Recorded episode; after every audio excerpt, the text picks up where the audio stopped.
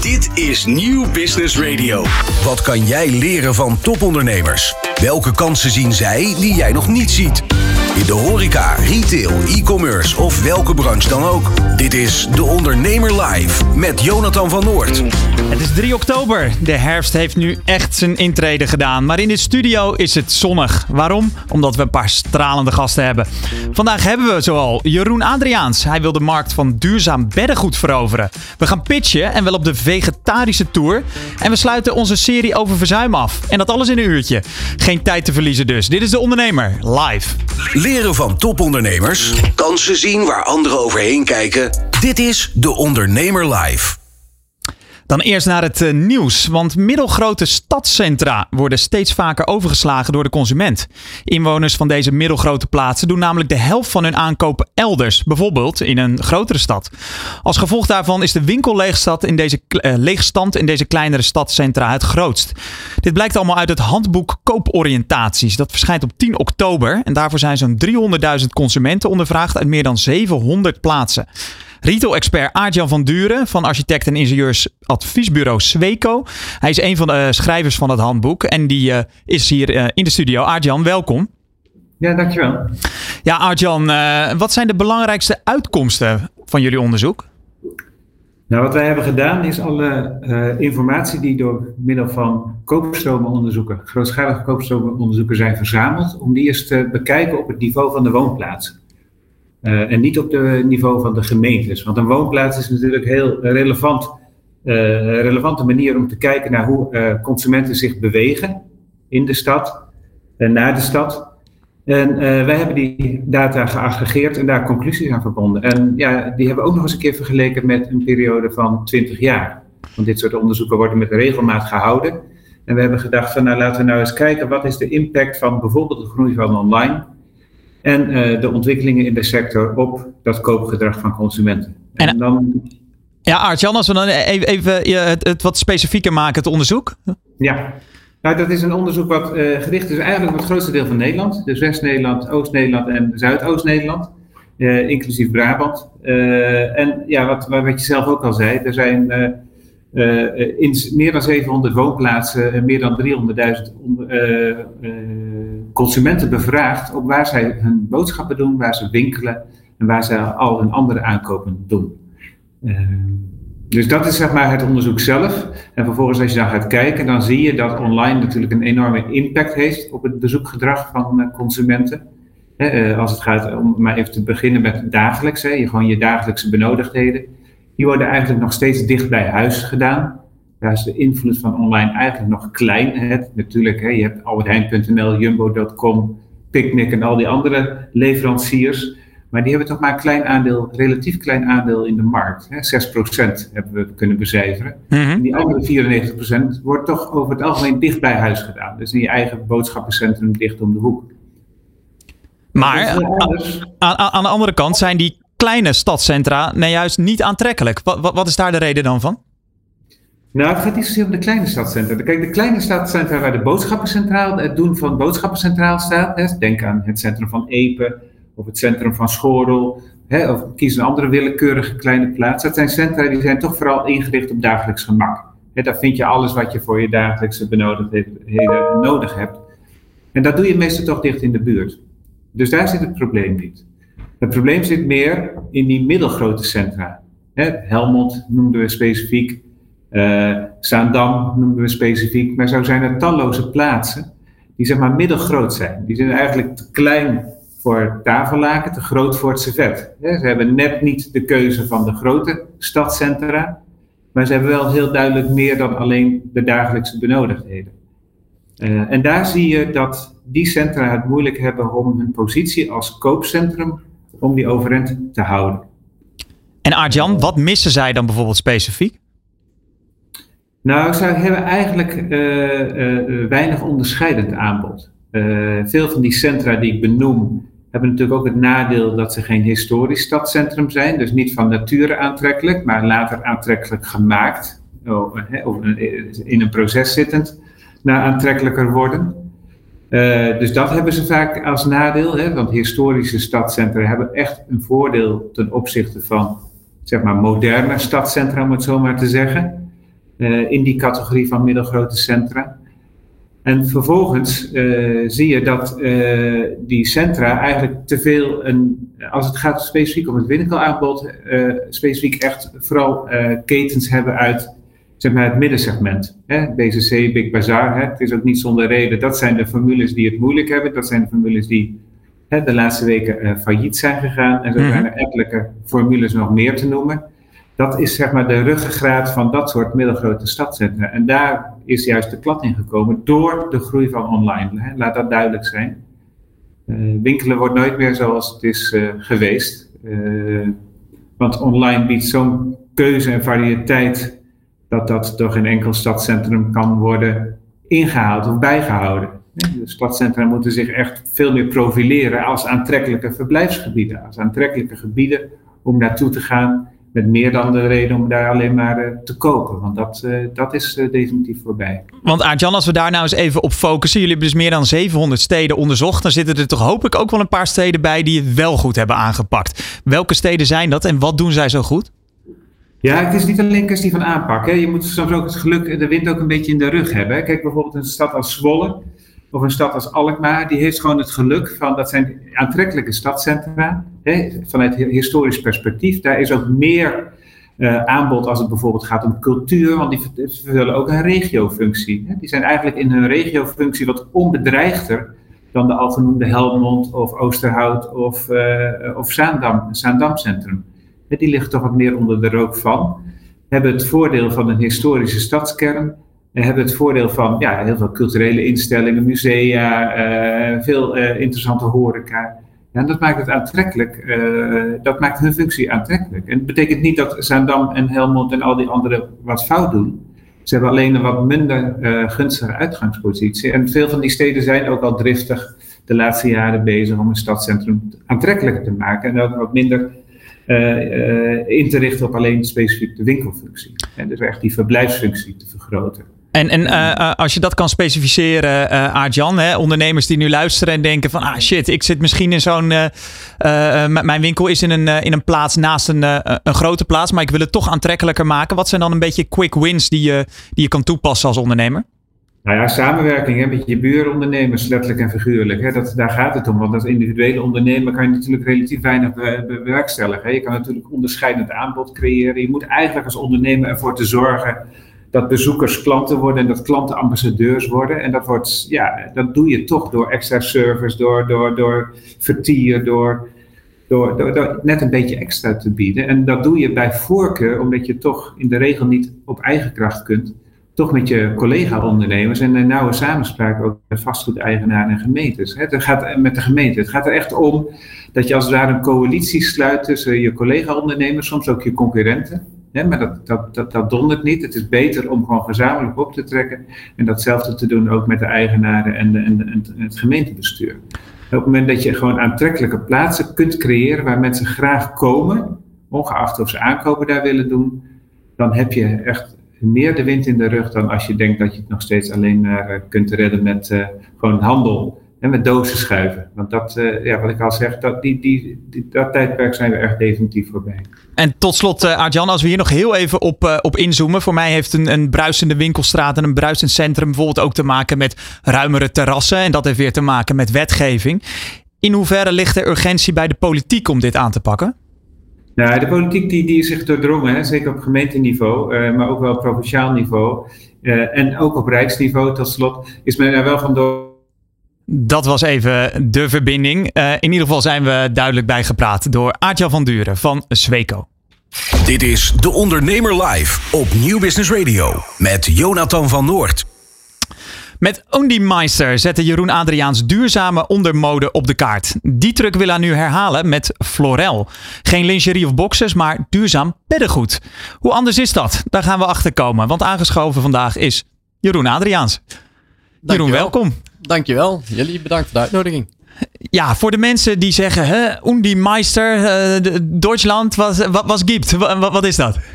Nou, Indie is onze uh, nieuwe onderkledinglijn voor heren. Wij noemen het eigenlijk de Premium Essentials. Dus wij richten ons met name op uh, de ondermode. Dus uh, ondershirts, shirts met lange mouwen, korte mouwen, hemdjes, ondergoed, sokken, dat soort onderkleding. Daarnaast hebben we wel een aantal kleine toevoegingen. We hebben ook een polo en een zwembroek toegevoegd aan het assortiment. Dus eigenlijk alles wat je uh, tot op zekere hoogte eronder draagt, daar voorzien jullie in. En af en toe uh, een plonsjewagen langs het zwembad. Dan, ja, ja, dus eigenlijk, ja, zoals wij het eigenlijk zeggen, een beetje de kleding die je direct op de huid draagt. Dat is eigenlijk waar wij ons op richten. En dat loopt goed, Andy Meister. Dat loopt zeker goed, ja. Kan je een beetje wat, ja, wat cijfers geven, wat, wat groei? Nou ja, we, echt over omzet zelf praten we liever niet. Maar ja, het is wel, het is wel een miljoenen business geworden nu in in de tijd dat we nu actief zijn. En uh, ja, uh, wij mogen niet klagen. We zijn hard aan de weg aan het timmeren. En er komen weer een hele hoop nieuwe uitbreidingen aan, nieuwe producten aan. En we zijn lekker bezig met groei. En we zijn ook ja, steeds meer aan het richten ook op bij internationale expansie nou. Maar dat is uh, Andy Meister. Je zit hier om te praten over Florel. En dat is, uh, ja, ik noem dat even oneerbiedig misschien hetzelfde trucje, maar dan op het gebied van beddengoed. Daar gaan we het straks over hebben. Maar net in het voorgesprek hier zo uh, bij, bij New Business Radio had je het erover dat je vijf bedrijven runt. Kan je daar eens wat meer over vertellen? Over ja, de ondernemer Jeroen Adriaans? Ja, zeker. Ik ben in 2018 eigenlijk begonnen met een bedrijf e-Expansion. Uh, E-Expansion is eigenlijk een beetje mijn uh, ja, consultancy tak. Die uh, werkt ook voor externe bedrijven en een gedeelte van de tijd voor onze eigen concepten en bedrijven. Um, binnen, binnen E-Expansion hebben we eigenlijk een stukje design, een stuk development, een stukje marketing, een stukje finance. Eigenlijk een, beetje een groep van de basiscompetenties verzameld die je eigenlijk ook nodig hebt om een bedrijf te starten. En daardoor denk ik dat wij ook in staat zijn om heel efficiënt, zeker kostenefficiënt, ook een nieuw label op te starten, zoals we nu ook weer doen. En vanuit e-expansion zijn wij uh, inmiddels uh, het eerste bedrijf wat we daarnaast opgestart hebben is uh, Dryly. Dat is eigenlijk een, een plaswekker om kinderen zindelijk te maken. Dus eigenlijk het bedplasprobleem oplossen. En dat is een, een heel innovatief product met het plaswekker in zijn algemeen is een wetenschappelijk bewezen methode. Bestaat al ja, ontzettend lang.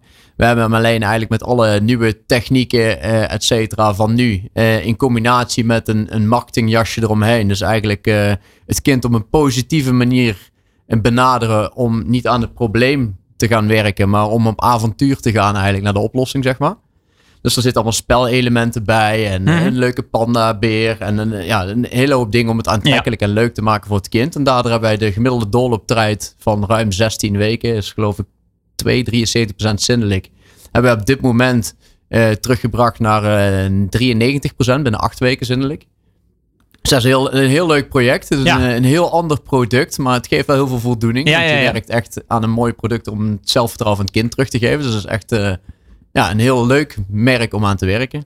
Nou, daarna uh, ben ik toen gestart met, uh, met Undymeister inderdaad.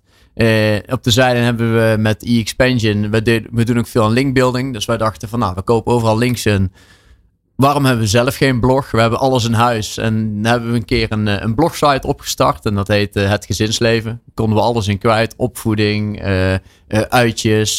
ja, je kan eigenlijk alle kanten op. Nou, dus die, die draait inmiddels ook alweer twee jaar, denk ik. En ja, nu samen met mijn compagnons van Unimeister... ja, waren we al langere tijd een beetje zoekende naar leuke concepten... om er nog iets langs ja, te kunnen zetten en uiteindelijk hebben wij eh, gekozen voor beddengoed. Uh, het is wel een aardige rollercoaster geweest. En ik denk ruim 2, twee, 2,5 jaar aan het ontwikkelen geweest. Omdat we ook echt wel iets unieks wilden neerzetten. Het moest niet alleen maar gewoon beddengoed zijn met een duurzaam stofje. Maar we moesten iets meer te bieden hebben. En ja, dat is uiteindelijk Florel geworden. En die is nu sinds, uh, denk twee weken ongeveer live. Ik zat me zo eens na te denken, duurzaam beddengoed. Dat is echt het laatste waar ik ongeveer bij nadenk als het gaat over duurzaamheid. In hoeverre is een consument daarmee bezig? Of is dit een, uh, een verkapt uh, marketingtrucje? Nou, ik, ik denk dat die, die bewustzijn van de consument, dat die juist de laatste jaren heel erg aan het groeien is. Kijk, uiteindelijk de textiel in het algemeen is de ene grootste CO2-vervuiler ter wereld. Nou, met Unimeister hadden we een hele mooie stap. Um, alleen Unimeister, ja, het gaat uiteindelijk, heeft het een mega impact. Maar het zijn wel eigenlijk kleine lapjes stof. En beddengoed zijn natuurlijk één product, is wel een mega lap stof. Daar, kun je misschien wel, wel 30 onderbroeken van maken. Dus uiteindelijk de impact kan heel groot zijn. Dus een hele mooie aanvulling. En het ligt mooi in lijn. En dat is ook, ook organisatietechnisch. Dus een hele mooie toevoeging op ons uh, huidige bedrijf. En heb je daar ook marketingonderzoek uh, naar gedaan? Van is hier vraag naar? Ja, we hebben, we hebben natuurlijk wel ons eigen, ons, ons eigen research gedaan van tevoren. Uh, daar hebben wij met z'n, met z'n drieën best wel wat tijd aan gespendeerd. En toen zijn we ook echt gaan kijken van nou oké, naast alleen beddengoed ja, waar storen wij ons aan? Ja, we zijn wel met, z'n, uh, met, met drie mannen en, en een designer, een dame. Dus we zijn echt gaan kijken van nou, wat zou er beter kunnen in onze optiek? Uh, dus ja, dat had te maken met uh, jouw dekbed die vaak net wat naar beneden schuift in jouw uh, dekbed overtrekt. Ja. Die moet op zijn plek blijven. Dat vindt mijn vriendin heel vervelend altijd. Ja, ja. Nou, dat is bij mij insgelijks en mijn vrouw ook. Nou, dat soort problemen zijn we eigenlijk gaan kijken van hoe kunnen we dat oplossen. En wat, wat je vaak ziet, tenminste in mijn situatie. Mijn vrouw heeft altijd koud in bed. Ik heb het altijd warm in bed. Hoe Herken ik ook. Mee aan de slag. Dus zo zijn we eigenlijk een aantal problemen op een rij gaan zetten. En daar zijn we eigenlijk ja, naar gaan zoeken naar een, uh, een duurzame stof. Maar die ook bijvoorbeeld een eigenschap heeft om warmte af te voeren. Een andere stof juist om de warmte bij je te houden. Uh, zo zie je ook in al onze dekbed overtrek sets dat er een pantone kleurverschil uh, in zit. De ene kant iets donkerder, de andere iets lichter. Aan de zijkant zit ook een labeltje aan warm-koud. Dus je kan zelf bepalen onder welke zijde je gaat liggen. Maar uh, als we het dan toch hebben over onze vrouwen. Zij heeft het koud, wij warm. Is die dan ook een soort gespiegeld? Nou ja, wat je dus, wat je dus veel ziet. en daar stond ik zelf van te kijken. Want ik behoor daar uh, niet bij. Maar wat, wat heel veel mensen hebben, is dat ze een tweepersoons bed hebben. Maar dat ze twee eenpersoons dekbedden erop hebben liggen. En dat de man en de vrouw dus ieder een eigen dekbed hebben. Dus je kan al kiezen natuurlijk tussen zomer en je ja. hebt een herfstdekbed en de vier seizoenen. Maar daarnaast ja, heb je dus de mogelijkheid om ook met die stof nog te spelen. En voor dat soort stellen is het dus echt helemaal een ja, uitkomst van de, kan, kan de een warm en de ander koud. Ja, absoluut. Um, wat ik me nou nog wel, wel afvroeg, hè? Die, die stap naar, naar beddengoed. Hoe, hoe moeilijk is dat als je vanuit de, de boxers komt? Nou ja, kijk, uh, kijk, wat betreft de stof en ontwikkeling wisten we natuurlijk aardig de weg. We, hadden, we weten waar we de vezels in moeten inkopen en hoe we ja, de mengsels kunnen maken om uiteindelijk de juiste stof te creëren. Uiteindelijk is nog steeds zoeken natuurlijk naar de juiste stof, dus daarom heeft het ook lang geduurd. Um, maar productietechnisch, een, een fabriek die een onderbroek maakt, maakt geen beddengoed. Dat is echt een andere tak van sport. Dus je moet echt wel op zoek gaan naar nieuwe leveranciers, et cetera. Uh, wij hebben wel heel erg uh, hoog in het vaandel om op die duurzaamheid te richten. Dus net als Unimeister, wij produceren alles uh, in Italië en in, in Turkije. Um, we willen alles dicht bij huis houden. We willen niet naar Azië of, of, of andere landen toe. Ook om ja, al die, die vrachtschepen, et cetera, draagt natuurlijk ook niet heel erg goed bij aan een uh, duurzaamheid. Dus we hebben nu uh, met Florel hebben alles geproduceerd eigenlijk in Duitsland en in Portugal. Dus dat, dat, bij huis. dat klinkt wel duur. Ja, nou ja, kijk, het uh, duurzaam is over het algemeen al wat duurder. Nou, die keuzes, ja, daar betaal je extra voor. Maar ja, dat is een keuze die wij gemaakt hebben. En uh, ja, we gaan het zien of de consument dat uh, ja, ook goed vindt. Maar wij vinden het gewoon belangrijk op dit moment om wel een beetje een, uh, ja, die duurzame stempel te waarborgen. Dan dat we naar de andere kant van de wereld gaan voor de helft van het geld. Ja, logisch. Want even man en paard, wat betaal je voor een, een laken bij uh, Florel? Ja, Florel? het zal een beetje rond, rond de 150 euro zijn van een dekbed overtrek set met, met kussens. Afhankelijk van de maat natuurlijk. Want je hebt verschillende maten. De duurste is volgens mij rond de 180 euro. En als we nu eens een beetje inzoomen op dat, uh, op dat businessmodel, waar komen we dan op uit? Um, waar, met omzet, waar je naartoe zou willen? Nou, nee, nee maar gewoon van hoe, hoe, wat is jullie verdienmodel? Nou ja, kijk, uh, ons verdienmodel is uiteindelijk natuurlijk die eerste klant. Ja, voordat je een klant binnen hebt, dat kost geld. En daar zit ook een marketingstrategie tegenover. En daar zijn we dus nu ook uh, druk mee bezig. We zijn nu de eerste testen gestart. We hebben nu een aantal advertenties lopen. Uh, de online is gestart. We zijn heel veel met SEO bezig, maar dat is ook onze eigen eigen professionaliteit vanuit e-expansion. Uh, je organisch op die toppositie zetten, daar zijn we goed in. Daar staan we inmiddels ook wel aardig onbekend. Dus daar zijn we flink, uh, flink mee bezig. En uh, ja, we, ga, we gaan zien waar het, uh, waar het uitkomt. Maar het is nu nog vooral testen. We zijn echt net, net live. Dus we zijn gewoon aan het uitproberen en kijken wat werkt. En uh, uiteindelijk moet je natuurlijk uh, ja, het hebben van je recurring business. Maar uh, je, je zegt het net ook wel even hè, over, over de marketing. Andy Meister hoorde hem net al even in de aankondiging. Dat, dat is een merk met best wel een eigen smoel. Hoe ja. ga je dat toepassen bij Florel? Dat lijkt me best lastig namelijk. Nou ja, dat is, dat is altijd lastig. Maar dat is altijd, ja, vind ik persoonlijk, de allerleukste traject om daar met z'n allen over na te denken. En weer iets moois neer te zetten. Kijk, Andy Meister hebben we ook op een gegeven moment ontwikkeld tot waar het niet was. En dan zijn we uiteindelijk hebben we er een, een Duitse tagline aan gekoppeld. Terwijl het klinkt wel Duits, maar wij spreken het uit als Andy Meister op zijn Amerikaans, helemaal niet op zijn, uh, op zijn Duits. En van origine is het ook een Amerikaanse naam. Uh, dus ja, en dat heeft ook weer marketingtechnisch natuurlijk als voordeel. Je gebruikt talen door elkaar. Je gebruikt eigenlijk, je spreekt Amerikaans uit. Je zet er Duitse woorden voor. Op de Nederlandse tv. Dat zijn allemaal ja, triggers in jouw hersenen. Waardoor waarschijnlijk de naam ook goed blijft hangen. En daardoor hebben we ook natuurlijk een immense naamsbekendheid op weten te bouwen in drie jaar tijd. En bij Florel zag ik dat het Hotel at Home. Ja, dat is onze tagline. Ja. Dat dat de tagline is. Ja, dat is eigenlijk omdat wij. Uh, een van onze eerste dingetjes was wel meteen van: hey, als je nou naar dekbed overtrekken gaat zoeken of iets dergelijks. Uh, ja, waar let je op? En toen kwamen mijn kampioens ook meteen van: ja, hotel is altijd fantastisch. En je hebt dan vaak ook een beetje dat, dat crispy gevoel. Of het is juist weer ja, zijde glad, zeg maar. Of zacht. Nou, en uh, daar zijn we dus eigenlijk echt op gericht. Dus we hebben echt een, een, ja, een zijdezacht dekbed overtrekken. Het, het, ziet er een beetje uit als fluweel. Er zit ook een glans overheen. Het ziet er gewoon heel chic uit. En wij wilden ook echt die hotelkwaliteit waarborgen. En dan toch nog voor ja, zo betaalbaar mogelijk maken. En dat is uh, ja, Florel geworden het uh, onderwerp SEO uh, dus hoog op Google komen, dat is, uh, dat is net al even aangestipt. Wat me ook opviel, dat op Trustpilot jullie 4,8 sterren hebben. Dat is ja. de, de website waar klanten ja, kunnen aangeven eigenlijk hoe, hoe ze het merk ervaren. Is dat ook een, een kanaal waar jullie actief op inzetten? Ja, tuurlijk. Kijk, reviews verzamelen. En zeker als start-up, ja, het is altijd een, een ja, iets wat je moet hebben. Hè. Het kost toch geld, uh, zo'n abonnement. Net als bij Trustpilot. Ze zijn niet de goedkoopste. Maar uiteindelijk reviews is wel een stukje overtuigingskracht naar de consument toe. En die 4.8 ik ben er ontzettend trots op, want dat is heel hoog. Maar ja, we hebben nu uh, ja, de eerste klanten. Ja, we zien wel de eerste reacties zijn natuurlijk heel goed. Dus dat is veelbelovend. Dus hopen dat dat doorzet. Maar zet je daar actief op in? Bijvoorbeeld bij een eh, bestelling dat er uh, wordt gezegd, hè, laat een review achter. Misschien kan je wel een tegoedbon winnen als je dat doet. Ja, zijn, nou, zijn dat dingen die je Dat doen we nog niet. Maar wat we wel doen, is iedereen die een bestelling plaatst, krijgt, ik geloof een week ongeveer na het, na het plaatsen van zijn bestelling, krijgt hij van ons een e-mail met de vraag of hij een review wil achterlaat. Maar ik vind dat soms ook doodvermoeiend. Als je dat bij kleine aankopen krijgt, uh, dan, dan, dan stoor ik me er eigenlijk mateloos aan. Ja, ja, klopt. Kan ik me ook wel voorstellen. En, maar uiteindelijk, uh, misschien dan in de toekomst, dan ga je dadelijk zeggen van nou, doe maar één op de vijf orders of zo uitnodigen. Maar nu in onze beginfase, en zeker voor een start-up, het is gewoon ontzettend belangrijk. En even die tractie uh, ja, te ja, krijgen. Ja, absoluut. Het is een stukje vertrouwen wat je de consument geeft. Daarnet is het ook al even aangestipt, vijf bedrijven. Nu uh, zit er dus weer een, uh, een nieuwe bij. Hoe ga je in godsnaam die tijd verdelen?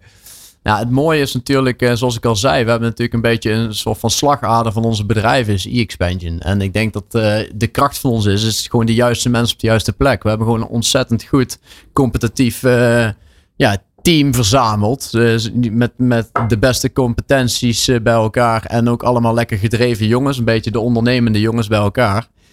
En, en meiden natuurlijk. En uh, ik denk dat we gewoon uh, elkaar ontzettend goed aanvullen. Waardoor dit ook mogelijk is. En waardoor er juist ook voldoende rust ontstaat om, om dit te realiseren. Maar dit klinkt als een, uh, als een soort droomscenario. Er zijn toch vast dingen waar je van ja, wat, wat je is tegengevallen in het, in het ondernemen? Ja, maar ja, er zijn altijd dingen die tegenvallen. En, en dat, ja, er zijn ook heel veel dingen die meevallen. En uiteindelijk is het natuurlijk het belangrijkste dat die, die tweede deel, dat het, het grootste deel worden. Maar bijvoorbeeld bij Florel, bij, bij het opstarten, wat is je bijvoorbeeld tegengevallen ten opzichte van Andy Mais? Nou ja, kijk, wij begonnen met de ontwikkeling van de producten. En toen was net een beetje die periode corona insloeg. Dus uiteindelijk, wij wilden, we hadden een idee, we gaan een bedrijf starten en we gaan over zes maanden zijn we in de lucht. Nou, uiteindelijk heeft het 2,5 jaar geduurd. Dus daar hebben we ons aardig op verkeken. Alles werd vertraagd. Uh, ja, we hebben daar, daar heel veel tijd op verloren. En uh, het stukje een, uh, verzinnen van een naam. we hebben uiteindelijk drie keer een nieuwe naam moeten kiezen. Uh, wat, wat is allemaal de revue gepasseerd? Uh, wat, uh... Ja, we, hebben, we hebben meerdere namen gehad. We hebben een keer Vonton gehad. We hebben Uberzen gehad. Nou, toen kwam, kwamen we in conflict met taxibedrijf ja, ja. Nou, eigenlijk ongekend, want je hebt totaal andere productcategorie, totaal geen concurrentie. Maar ja, het is zo'n machtig bedrijf dat het geen zin heeft om het gevecht aan te gaan. Ja, dan heb je wel je namen geregistreerd, domeinnaam opgezet, je huisstijl gecreëerd en dan kan je weer opnieuw beginnen. Dus ja, dat zijn ook allemaal tegenslagen. Maar ja, het hoort erbij. Het, ja, ik denk dat uh, nooit alles in één keer goed gaat. Maar. Dan ben ik toch wel benieuwd, de naam Florel, hoe is die dan ontstaan? Ja, weet ik niet. We zijn eigenlijk uh, heel lang zoekende geweest. En uh, we hebben echt allerlei. We hebben online contesten uitgezet. We hebben marketingbureaus gevraagd om mee te denken. We hebben zelf ja, veel zitten brainstormen en hadden een hele lijst. En uiteindelijk kwam deze naam eruit waar iedereen wel een, gewoon een goed gevoel bij had. Het klinkt wat, wat zachter, hè? want Uber zijn is meteen heel hard. En uiteindelijk ja, denken we dat dit uiteindelijk ook een betere naam is. En ja, we, ik, ik ben er heel tevreden over. Ik vind ook het logo vind ik mooi. De huisstijl is goed. Uh, het ziet er gewoon chic uit. En als je het nu bestelt en het komt binnen, ja, het ziet er eigenlijk uit als een pakketje van rituals, zeg maar. Het heeft gewoon een hele hoge uitstraling. Maar, maar het is meer een gevoel eigenlijk. Het ja. Is, ja. ja. Um, opvallend iets is dat jullie een crowdfunding zijn gestart. Die is in één week gehaald en in twee weken verdubbeld. Ja. Wat is jullie geheim? Um, ja, dat is, dat is een goede. Ik, ik, ja, wellicht heeft het ook wel een stukje te maken met vertrouwen. We hebben het, ja, we hebben natuurlijk al als meermaals gedaan. En we hebben ook iedere keer ons, ja, ik zeg al man en man woord en woord. We hebben ons aan ons woord gehouden. Uh, we hebben een bedrijf goed op de, op de kaart gezet. Ja, de investeerders krijgen hun centjes terug met een mooi rendement. Uh, nu bij Florel ook. We hebben we zelfs nog aangeboden van nou, boven, ja, er zaten wat staffels in. Maar afhankelijk van jouw bedrag kreeg je er nog een extra presentje bij. Dus ofwel een overtrekset, ofwel een compleet dekbed of meerdere producten. En ja, uiteindelijk uh, ik denk dat het stukje vertrouwen is in combinatie met een goed rendement bieden en nog een cadeautje erbovenop. Dat dat ervoor zorgt dat je we snel de crowdfunding konden sluiten. En waarom toch de keuze voor, voor crowdfunding? Is dat ook misschien wel een beetje een marketing ding? Nee, ja, in eerste instantie hebben we dat echt puur en alleen gedaan. Ehm, we konden ook wel ervoor kiezen bijvoorbeeld dat eigen geld uh, in te leggen, et cetera. Maar ja, dan, we wilden dat iedereen een gelijk aandeel bleef behouden in de organisatie. We zijn natuurlijk met meerdere oprichters. En dus heeft uiteindelijk ervoor gezorgd dat we uh, gekozen hadden om met crowdfunding te starten. En uh, ja, wellicht dat er in de toekomst nog een keer iets nodig is. Misschien ook niet. Op dit moment ja, ziet alles er heel positief uit. En ja, Unimeister hebben we ook op dezelfde manier opgezet. En het mooie is wel van die crowdfunding. Al die eerste investeerders. We geven ze al een product. Dat zijn ook meteen potentiële nieuwe klanten. Ze hebben al een product van ons in huis. Ze kunnen het ervaren. Dus ja, uh, wellicht dat het marketingtechnisch ook nog eens meewerkt. Ja. En als we nou eens even de glazen bol erbij pakken. Over twee jaar, waar sta je dan? Nou, als het aan mij ligt, dan uh, zijn we dan uh, behoorlijk groot, ja. Ik heb wel aardig, uh, aardige dromen in ieder geval. Ja, even beeldend. Waar, waar, droom je van? Nou, het moet sowieso al binnen een jaar een miljoenenbedrijf zijn. Dat is wel echt 100% streven. En ja, liefste, zou, ik zou het heel leuk vinden als we misschien een aantal hotels met ons beddengoed gaan zien.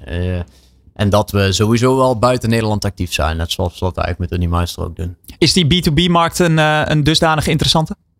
Mm, nou ja, ik, ik zie dat uh, niet als commercieel interessant, maar ik zie dat wel erg als marketingtechnisch interessant. Kijk, als mensen, zoals ik al zei, ja, wij, wij namen als voorbeeld van, hey, kijk eens wat er in dat hotel ligt, dat is fantastisch. Nou, het is natuurlijk fantastisch als je jouw bed er, of dekbed ergens hebt liggen met ons logo erop, dat mensen wel kennis maken met je product. Ik denk dat dat wel een hele mooie marketing tool kan Als je kan zeggen dat het Hilton uh, met, uh, met Florel ja, samenwerkt. Tuurlijk, tuurlijk. Ja. Tot slot, uh, om de twee, drie jaar lijkt het wel alsof je wat, uh, wat anders uh, begint. Dat het bloed kruipt waar het, waar het niet gaan kan. Hoe, hoe werkt dat in dat koppie? Wat, wat is het geheim? Ja, wat is het geheim? doen wat we leuk vinden. En als, we, als er iets voorbij komt waar we iets in zien. We hebben wel ook met de EXpansion heel stellig de regel. we moeten er met z'n allen voor zijn, anders doen we het niet. En uh, als er iemand twijfelt, dan moeten we die met z'n allen gaan overtuigen. En lukt dat niet, dan gaat het ook niet door. Maar ja, zoals ik al zei, we hebben best een ondernemend team. En ja, het zijn ook producten waar we natuurlijk zelf een beetje feeling mee hebben. Waar we zelf gebruik van maken. Dus dat maakt het allemaal nog wat makkelijker. En ja, we, we gaan wel zien waar het schip strandt. Dankjewel, Jeroen Adriaanse. Wil je nou ook een hotelervaring thuis hebben? Alleen dan zonder de roomservice? Kijk dan op florel.com. De pitch. Ben jij degene met een briljant idee en ben je op zoek naar funding of een investeerder? Dit is De Ondernemer Pitch. Maak jouw plan wereldkundig binnen één minuut. Zeker weten, de pitch, de wekelijkse rubriek waarin ondernemers met een hemelbestormend idee hun bedrijf kunnen pitchen op zoek naar funding. En wie weet hengel je de financier hier in de studio binnen. Er is alleen één regel, de pitch duurt één minuut. Bij ons is aangeschoven is Danny Galliard en hij heeft een bijzonder smaakvol plan. Danny, in één minuut, the floor is yours. De pitch. Ben jij degene met een briljant idee en ben je op zoek naar funding of een investeerder? Dit is De Ondernemer Pitch. Maak jouw plan wereldkundig binnen één minuut. Wij zijn Vegan Masters, de veganizers van het huidige aanbod van mainstream gemaksvoeding. Zo maken wij pizza, spice, spreads, maaltijden. Allemaal plantaardig. Wij zijn het bedrijf dat voorop loopt in de eiwittransitie. We hebben 20k B2C klanten en een grote namen binnen de foodservice waar we onze foodservice-lijn mogen leveren. Waarom investeren in Vegan Masters? Allereerst, de eiwittransitie is niet meer te stoppen. Er zijn meer dan 9,3 miljoen flexitarians gedreven door gezondheid en milieubewustzijn. Bovendien speelt de overheid een steeds grotere rol in het ondersteunen van deze verschuiving. Verder is Vegan Masters zeer geschikt voor, internet, eh, voor implementatie van eh, AI. Kortom, investeren in Vegan Masters doe je niet alleen met je hart. Zo is er jaarlijks een verwachte marktgroei van 20% van plantaardige voeding.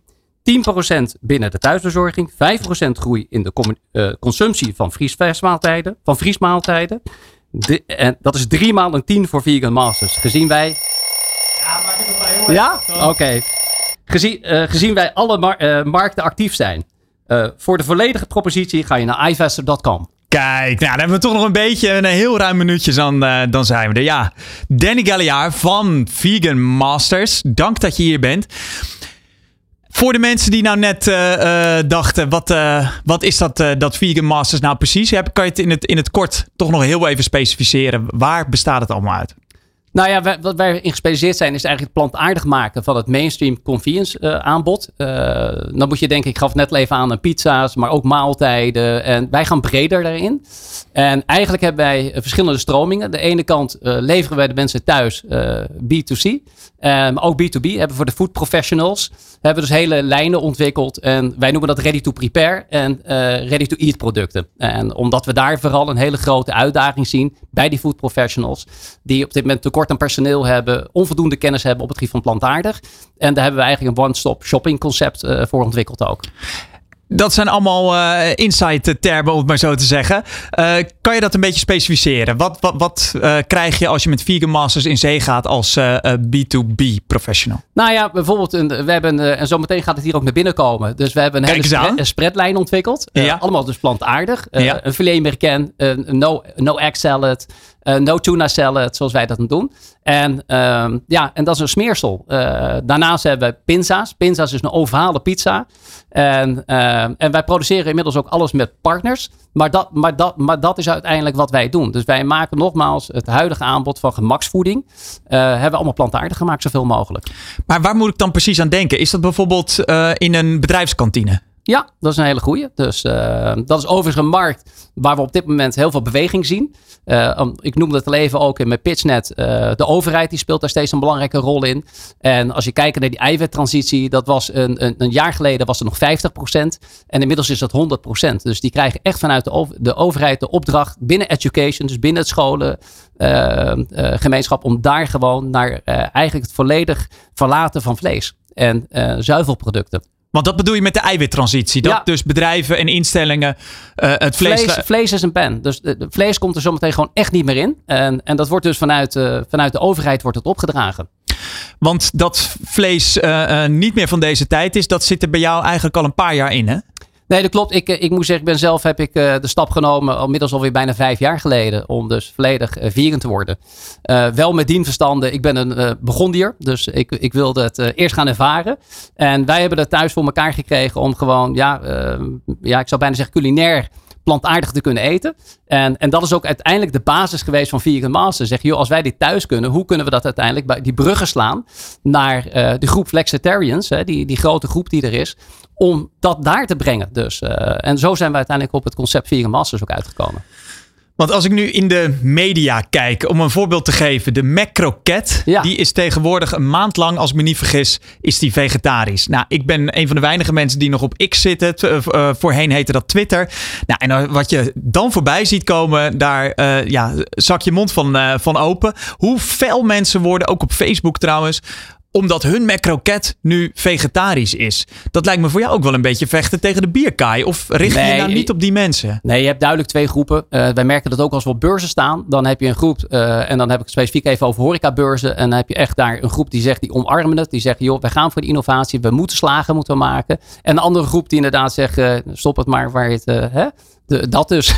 en, en, en wat je dus ook ziet op de socials. En degene die, die roepen het hardste altijd. Dus uh, mensen die enthousiast zijn, die zijn daar wat conservatiever in. Maar mensen die op een gegeven ogenblik, die harde kern zeg maar, die laat echt zich uh, vergelden. En dat, dat krijgt ook helaas de aandacht. Maar ik heb hem zelf ook gegeten. Ik vind het een fantastisch product. Dus ik weet niet of jij hem dan geprobeerd hebt. Ik heb hem nog niet ge... Nee, is gewoon, uh, en ik moet zeggen, mijn, mijn, ik zeg mijn meisje, mijn vrouw, die, die heeft hem ook gegeten. En die is, die is flexitarian.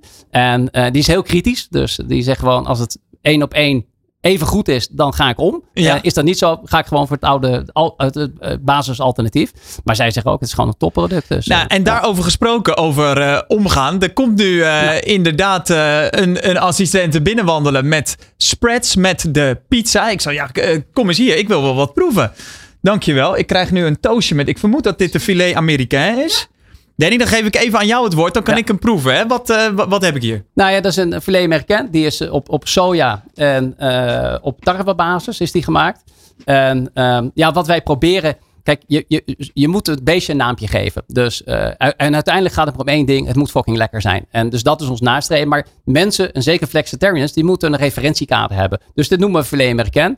Ik moet zeggen, die komt ook aardig in de buurt Kirsten daarentegen, die is altijd heel erg kritisch. En die zegt, joh, jij, omdat ik te lang al uh, veganist ben, mijn smaakpapillen zijn veranderd. Maar we horen echt van de mensen die dus vlees eten zijn, die zeggen, ja, dit is gewoon... Uh, en het geldt ook voor zo'n eiersalade. En zo'n pesto, nou, daar krijgen we vaak over te horen. Dus het is eigenlijk vele malen lekkerder vinden. Ja, dan wil ik die pesto ook nog ja, wel heel ja, even proberen. ja. Hoor. Dan, uh, kijk, dat is deze. Ondertussen kan ik dan mooi een, een vraag stellen. Hoe onderscheidend is dit idee, Danny? Nou ja, de onderscheiding zit vooral in de, in de breedte en de verschillende stromingen die we hebben. Dus de breedte van het assortiment en de stromingen die we hebben. Dus dat we dus actief zijn. Uh, aan de ene kant B2C, dus waar we met de mensen de producten thuis leveren. Maar dat we daarnaast ook een lijn hebben voor de food professionals. En dat onderscheidt ons. Dus uh, de meesten die, die maken daar een keuze in. En wij hebben gezegd van ja, wij, ik, ik heb zelf met een ander bedrijf van mij uh, ervaringen erin. Dat het altijd goed is om niet voor één stroming te kiezen, maar daar juist de breedte. En in, in COVID hebben we daar profijt van gehad. We hadden het, op dat moment hadden we drie stromingen. En uiteindelijk bleef er één stroming voor ons over. En daar waren we buitengewoon succesvol in. Nog even terugkomend op de pesto. Ik proef werkelijk geen verschil. Dat is een compliment. Dankjewel. En dat is ook weer leuk, omdat het is ook weer een reststroom van kersennoten. Wij maken dus de, de, de, de bite zeg maar, van de parmezaan die er normaal gesproken, die maken we met kersennoot. En dat is de reststroom van de kersennoot. Dus Wat is een daar, kersennoot? Uh, een kersennoot. Dus die, die malen wij. Dus uh, een, ke een kersennoot. Kers, kers, kersje, oh, cashew. Ja, cashewnoot. Oh, ja. cashewnoot. Ligt, ligt mijn uh, pronounce... Nee, ja, ik, ik verstond kersennoot. ik nee, dacht al, is dat het cashew, pitje? Cashew. Een cashew, ja. ja. Maar, maar die malen wij dus. En dat zijn de, de resten. En de, zo de, dus ook weer van reststromen. Dus daar, de, van dat, ja, als het gaat om verduurzaming, dan willen we echt het beste jongetje van de klas zijn. En als we nu eens heel even kijken naar het, naar het businessmodel. Hoe staan de zaken ervoor? Nou ja, we hebben eerlijkheidshalve een hele grote uitdagende stap genomen. En, uh, en dat heeft betekend dat we eigenlijk een acht maanden uit de eter zijn geweest. En dat had ermee te maken, ik zei het net al, wij willen het beste jongetje van de klas staan dat het verduurzaming gaat. Wij merkten bij grote klanten van ons, als een Geteer, als een uh, Spar City Stores waar we leverden, uh, bij andere grote retailers ook, dat in dat hele ultravers uh, gebeuren on ongelooflijk veel waste had. Voor ons veel te veel waste. En toen hebben we gezegd, wij gaan die propositie gaan we veranderen. Wij gaan die wereld een stukje mooier maken en wij gaan dus alles lang houdbaar maken. Nou, dat heeft eerlijkheidshalve iets meer tijd gekost dan we gehoopt hadden. Dus we zijn er een, een, lange tijd zijn we uit geweest. En we zijn nu weer gaan er terugkomen. En, uh, en wat we dus nu merken, dat is de partijen waar we op dat moment... We zijn echt gewoon bij onze klanten gekomen. We zeggen, jongen, wij stoppen voorlopig even. Om, wij willen slagen gaan maken in die verduurzaming. En, uh, maar I'll be back. En nou, dat dus zitten we nu in. En, en dat wordt omarmd. En, ja. Maar uh, je zit hier ook omdat je geld wil ophalen. Ja. Leg dat eens uit, want dat doe je op, uh, op de sharefunding manier. Ja, wij hebben daarvoor gekozen. Uh, wij zeggen delen is vermenigvuldigen. wij hebben eerdere, drie eerdere rondes gedraaid bij iVestor.com op de, op de pagina. En ja, het, het voor, wat wij eigenlijk zien gebeuren is dat je van je fans maak je ambassadors. En, uh, en dat merken we dus nu ook. ook. Ook in deze fundingronde ook weer. Ze blijven ons ondersteunen. Uh, we krijgen heel veel warmte vanuit die groep. En, uh, en ja, dus wij, voor ons is het het instrument zeg maar, om door te groeien. Omdat we ook zo'n grote fanbase hebben. Maar even een bedrag. hoeveel geld heb je nodig om echt die volgende stap te gaan maken? 300.000 euro hebben we nu nodig. En op hoeveel ambassadors reken je dan?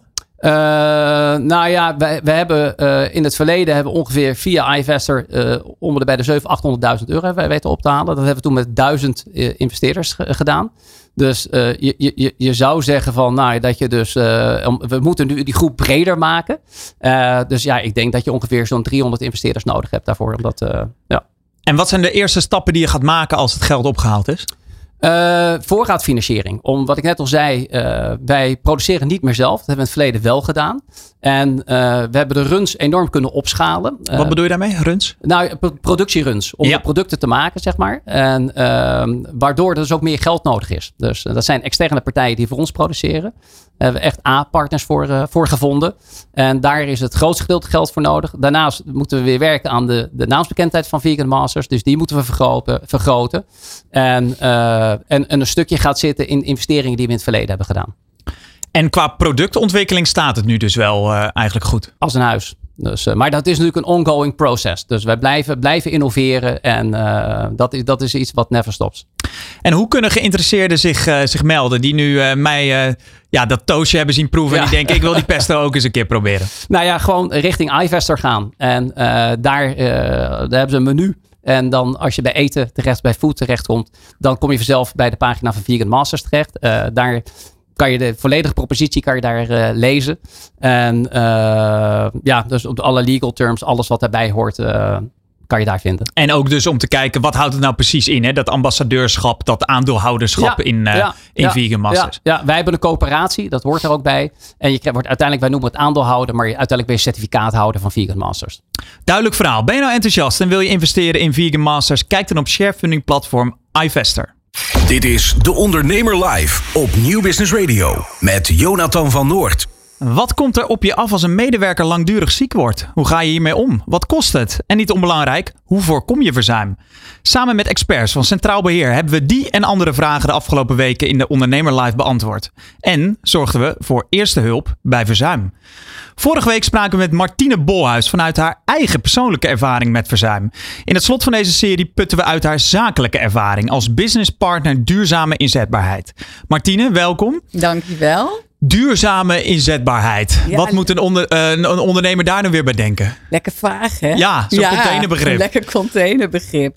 Ja, het gaat er eigenlijk over of je fit voor werk bent. Hè? Ben je in staat om nu werk te krijgen, werk te doen en ook werk te behouden voor in de toekomst? En daar kun je op verschillende manieren naar kijken. En want wij werken vaak met uh, vier kwadranten van uh, duurzame inzetbaarheid. En dat maakt het wel iets concreter. Dan gaat het over leren en ontwikkelen. Ja. Dan gaat het over loopbaan en mobiliteit. Dan gaat het over werk- en privébalans. En natuurlijk gezondheid en vitaliteit. En die cocktail, die zorgt er eigenlijk voor, als je dat als ondernemer, om het even, even goed ja. te, te kaderen, op orde hebt, dan is het de kans op verzuim in jouw organisatie vrij laag. Ja, dat klopt. Want dan hè, ben je in balans. Dan heb je, ben je in staat om, hè, als je kijkt naar bijvoorbeeld leren en ontwikkelen als je in staat bent om uh, te leren hè, van vandaag en voor de toekomst. En dat je in staat bent ook om in je werk hè, te leren. Uh, dan weet je ook uh, dat je in, het, uh, in de toekomst ook makkelijker je werk te weet te behouden of te verkrijgen. Maar dan, ja. dan ben ik toch wel even benieuwd. Want we gaan die, die, die vier kwadranten, die, die, die vier pijlers eigenlijk om verzuim te voorkomen, die gaan we even behandelen. En dan heb je bij leren ontwikkelen, daar zie ik dan niet direct de link met verzuim. Hoe, zo, hoe, hoe werkt dat dan? Ja, je moet het zo zien dat op het moment dat mensen uh, het gevoel hebben dat ze in staat zijn hè, om te blijven werken, dat dat ook veel meer energie geeft. Veel meer werkplezier. Uh, het, het, geeft direct ook minder stress. Hè? Want we zien ook dat een van de grootste verzuimredenen op dit moment stress is. En dat is een groot probleem. En een van die dingen die stress opleveren is de snel veranderende wereld. de snel veranderende wereld. En dan zie je dat uh, bijvoorbeeld digitalisering, robotisering komt op ons af. En op het moment dat je weet dat in ons vakgebied er veel gaat veranderen, uh, dan kun je daar nu al uh, interventies op doen Of je kunt dat met opleiden doen. Uh, maar ik zeg ook altijd tegen ondernemers: van denk niet alleen aan opleiden, maar denk bijvoorbeeld ook aan leren in de praktijk. Als je bijvoorbeeld weet dat iemand eh, straks veel gaat werken met ChatGPT, ja. dat is nu echt een onderwerp. Zeker. Hoe kun je nu uh, die medewerker daarop uh, laten leren? En dat kun je doen door iemand naar een cursus te sturen of lekker te laten freewheelen op het internet. Hè? Er is van alles ja. op te vinden. Maar misschien ken je wel iemand die daar al wat verder op is. En binnen je, organisatie. binnen je organisatie. Of zelfs bij een collega-organisatie. Op je bedrijventerrein of op, uh, in de branche uh, van je ondernemersvereniging. Uh, die daar al wat verder op is. En laat die nou eens even daarop gluren. Hè? Gluren bij de buren. Laat ze daarop leren, meewerken. En dat zijn ook manieren om te leren en om te, om te ontwikkelen. En dan ga je eigenlijk bij zoiets als AI van kans naar bedreiging. Precies, en dat, andersom. Oh, sorry. Van bedreiging. ja, scherp, scherp. Van bedreiging naar kans. Ja. En dat zorgt ervoor dat iemand gewoon veel gemotiveerder in je organisatie zit. Ja, en ook het gevoel heeft van, maar ik kan het aan. Want niets is zo eh, naar op het moment dat je onzeker bent. Hè, van, ja, kan ik dit nog wel voor de toekomst? En dat merk je in de veranderende wereld zoals waar we nu zijn. Uh, dat dat uh, ja, aan de orde van de dag is. Goed, dan hebben we de eerste uh, afgevinkt, leren en ontwikkelen. Wat staat er nog meer op dat lijstje om echt fit voor werk te zijn? Ja, de hè, werk- en privébalans, daar hebben we het al vaker over gehad. Hè, dat is natuurlijk een hele grote. Uh, we zien dat uh, 50%, dat zagen we uit eigen onderzoek van Centraal Beheer, doen we nu trendonderzoek een tijdje uh, nu uh, zo'n anderhalf jaar. En daar zien we dat uh, flexibiliteit voor bij 50% van de ondervraagden komt dat echt naar boven als een hele belangrijke arbeidsvoorwaarde. Maar dan heb je het over het personeel. Ja, medewerkers. Ja, ja, ja, ja. zeker. Ja. ja, je bedoelt, uh, ja, je zou ook nog kunnen kijken naar de flexibele schil van de, van de ondernemer. Nee, dit gaat echt over werk- en privébalans. Hoe kan ik ervoor zorgen dat ik zowel lekker aan het werk ben met energie, hè, met werkplezier, maar ook al die andere uh, zaken die ik ook in mijn leven heb Hè, thuis. Hè, wellicht wel mantelzorg, uh, vrije tijd, wellicht uh, een vrijwilligersbaan. nou, allerlei dingen die voor nu ook gewoon heel erg belangrijk zijn, dat je dat in evenwicht brengt. En dan werkt flexibiliteit in de zin van, dat kan gaan over roostering, eh, dat gaat, kan gaan over wanneer start je met werk, wanneer ga je weg met werk. Uh, dat kan ook zijn dat je het heel fijn vindt om uh, tussentijds echt even een grote break te nemen op een dag. Dat soort voorbeelden gaat het over. Ja. Ik vind het wel interessant dat je uh, ongeveer 50% noemt, wat dus uh, medewerkers noemen, hè, van dat ze het belangrijk vinden, de, die, die, die uh, werk-privé-balans. We hebben een klein polletje laten lopen op de LinkedIn-pagina ja. van een ondernemer. Hè, met de vraag: wat is voor jou het belangrijkste om jouw personeel fit te houden? En daar zegt dus 55%, dus dat komt overeen, ja. die goede werk-privé-balans. En dan pas ongeveer 1 vijfde zegt goede werkomstandigheden. En pas helemaal onderaan 6% sporten en goede, goede voeding. Dus echt die werk-privé-balans, die hebben ondernemers schijnbaar al op orde. Is dat ook wat je uit de praktijk haalt? Nou, dat haal ik nog niet zozeer uit de praktijk. Wel hè, dat heel veel uh, bedrijven daarmee bezig zijn.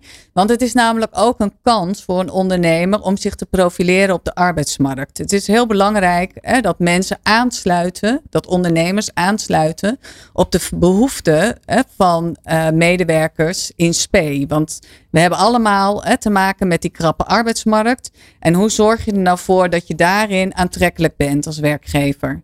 Dus daarin zie ik echt beweging. Ik zie dat uh, werkgevers uh, daar um, uh, een verschuiving in maken. Maar ik zie ook nog steeds verbaasde ondernemers die zeggen van ja, ik wil van alles bieden. Maar ik merk toch dat medewerkers iets meer van mij verwachten dan, dan dat, ik, dat dat haalbaar is voor mij hè, als, als werkgever. Ze vragen wel heel veel. Ja. Hè? Die, nee, en dan gaat het vaak, over jonge Over jong, ja, de Gen Z, hè? Ja, dat is...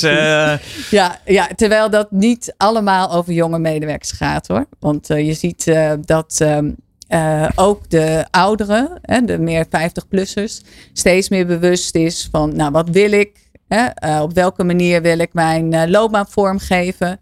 Daar zit ook een hele grote groep van arbeidspotentieel. Hè, als je kijkt naar de 50-plussers, uh, is natuurlijk de grootste groep uh, zo'n beetje aan het worden Mhm. uh, van de arbeidsmarkt. En uh, ook nog een groep die vaak, hè, nu steeds vaker, ook wat langer wil doorwerken. En dat is natuurlijk ook een interessant als je het hebt over het ver verzuim. En, uh, ja, ik wil net zeggen, kom je dan eigenlijk ja. niet al bij die derde uit? Uh, als je het dan echt veel meer over het loopbaantraject ja, hebt. loopbaan en mobiliteit. Ja, ik noemde net al even het voorbeeld van gluren bij de buren. Die zou hier ook heel erg van toepassing kunnen zijn. Dat je gewoon eens meekijkt bij andere bedrijven of bij andere afdelingen. Om te zien van hé, wat is er nog meer te doen dan wat ik vandaag doe. Maar je ziet dat uh, ook loopbaan en mobiliteit, hè, ook al heb je geen bedrijf wat heel groot is met allerlei loopbaanpaden en uh, opties, dat dat toch aan de orde uh, kan zijn in jouw gesprek. In het gesprek tussen jou als ondernemer met je medewerker. Wat is belangrijk voor jou? Waar wil jij een bijdrage aan? Maar dit vind ik een hele interessante, want dit ken ik ook uit mijn eigen omgeving en Ja. met, in gesprekken met vrienden. Dat de ene baas die zegt, waar wil jij over vijf jaar staan? In onze organisatie. Ja. En de andere baas die zegt, waar wil jij over vijf jaar staan? En Ja. dat vind ik een hele andere manier van benaderen. Die ene is niet bang om jou kwijt te raken. Ja. Want die weet dat hij misschien op de lange termijn veel meer aan een gemotiveerde medewerker heeft die een bepaalde stip op de horizon heeft. Hoe, hoe zie jij dat? Ja, dat, dat herken ik helemaal. En het gaat ook over het nu. Hè? Van wat vind jij belangrijk om nu bij te dragen? Waar krijg jij energie van? Ik sprak vorige week een uh, uh, ondernemer op een uh, event voor ondernemers. Waren we ook daar mee bezig? Waren we aan het oefenen en aan het onderzoeken van hoe, hoe zorg je nou dat je fit voor werk bent? En die gaf echt als voorbeeld van ja, ik vind het heel belangrijk dat ik iedere keer weer even incheck bij die medewerkers van Waar sta je nu? Vind je het nog leuk? Heb je er energie van? Hè? Heb je het gevoel dat je een bijdrage levert?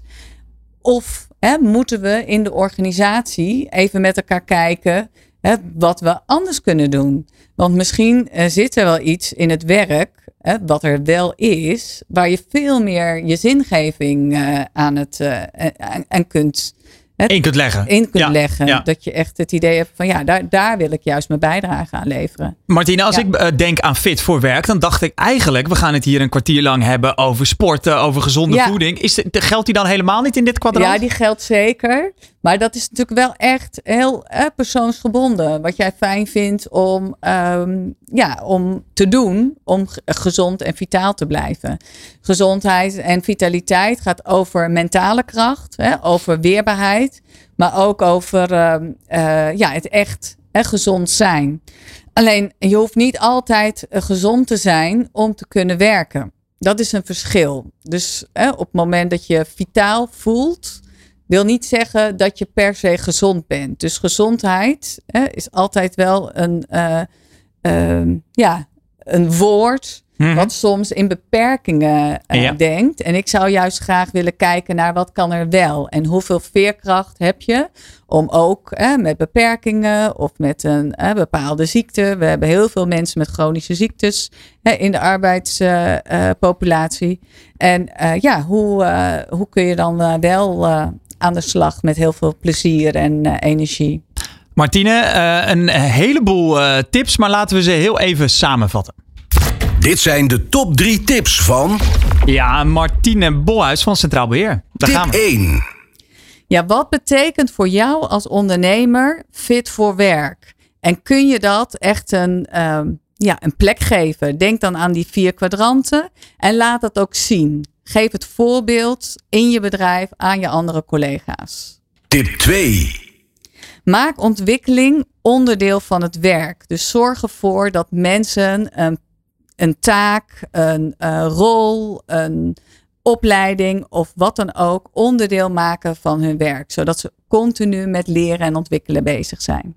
Tip 3. Vraag collega's om een plan te maken voor ontspanning op het werk. Ook een van de belangrijkste onderdelen is ontspanning. Hoe kan ik me ontspannen? Inspanning vraagt om ontspanning. En leg dat nou eens bij de collega's neer. Duidelijk verhaal. Wil je het nou nalezen? Of ben je benieuwd wat eh, Martine eigenlijk nog meer eh, te zeggen heeft? Kijk dan op deondernemer.nl. Leren van topondernemers. Kansen zien waar anderen overheen kijken. Dit is De Ondernemer Live. Ja, dat was hem voor vandaag. Althans, het eerste uur van de Ondernemer Live. Na de break gaan we verder. Maar dan wel met de Cybersecurity Week. Presentator Randall Pelen staat te trappelen om, bij je, om je bij te praten over alle gevaren in de wereld van digitale veiligheid. Zo schuift er een MKB-bedrijf aan dat daadwerkelijk gehackt is. Wat het allemaal gekost heeft, dat hoor je straks in de Cybersecurity Week. Leren van topondernemers. Kansen zien waar anderen overheen kijken. Dit is De Ondernemer Live.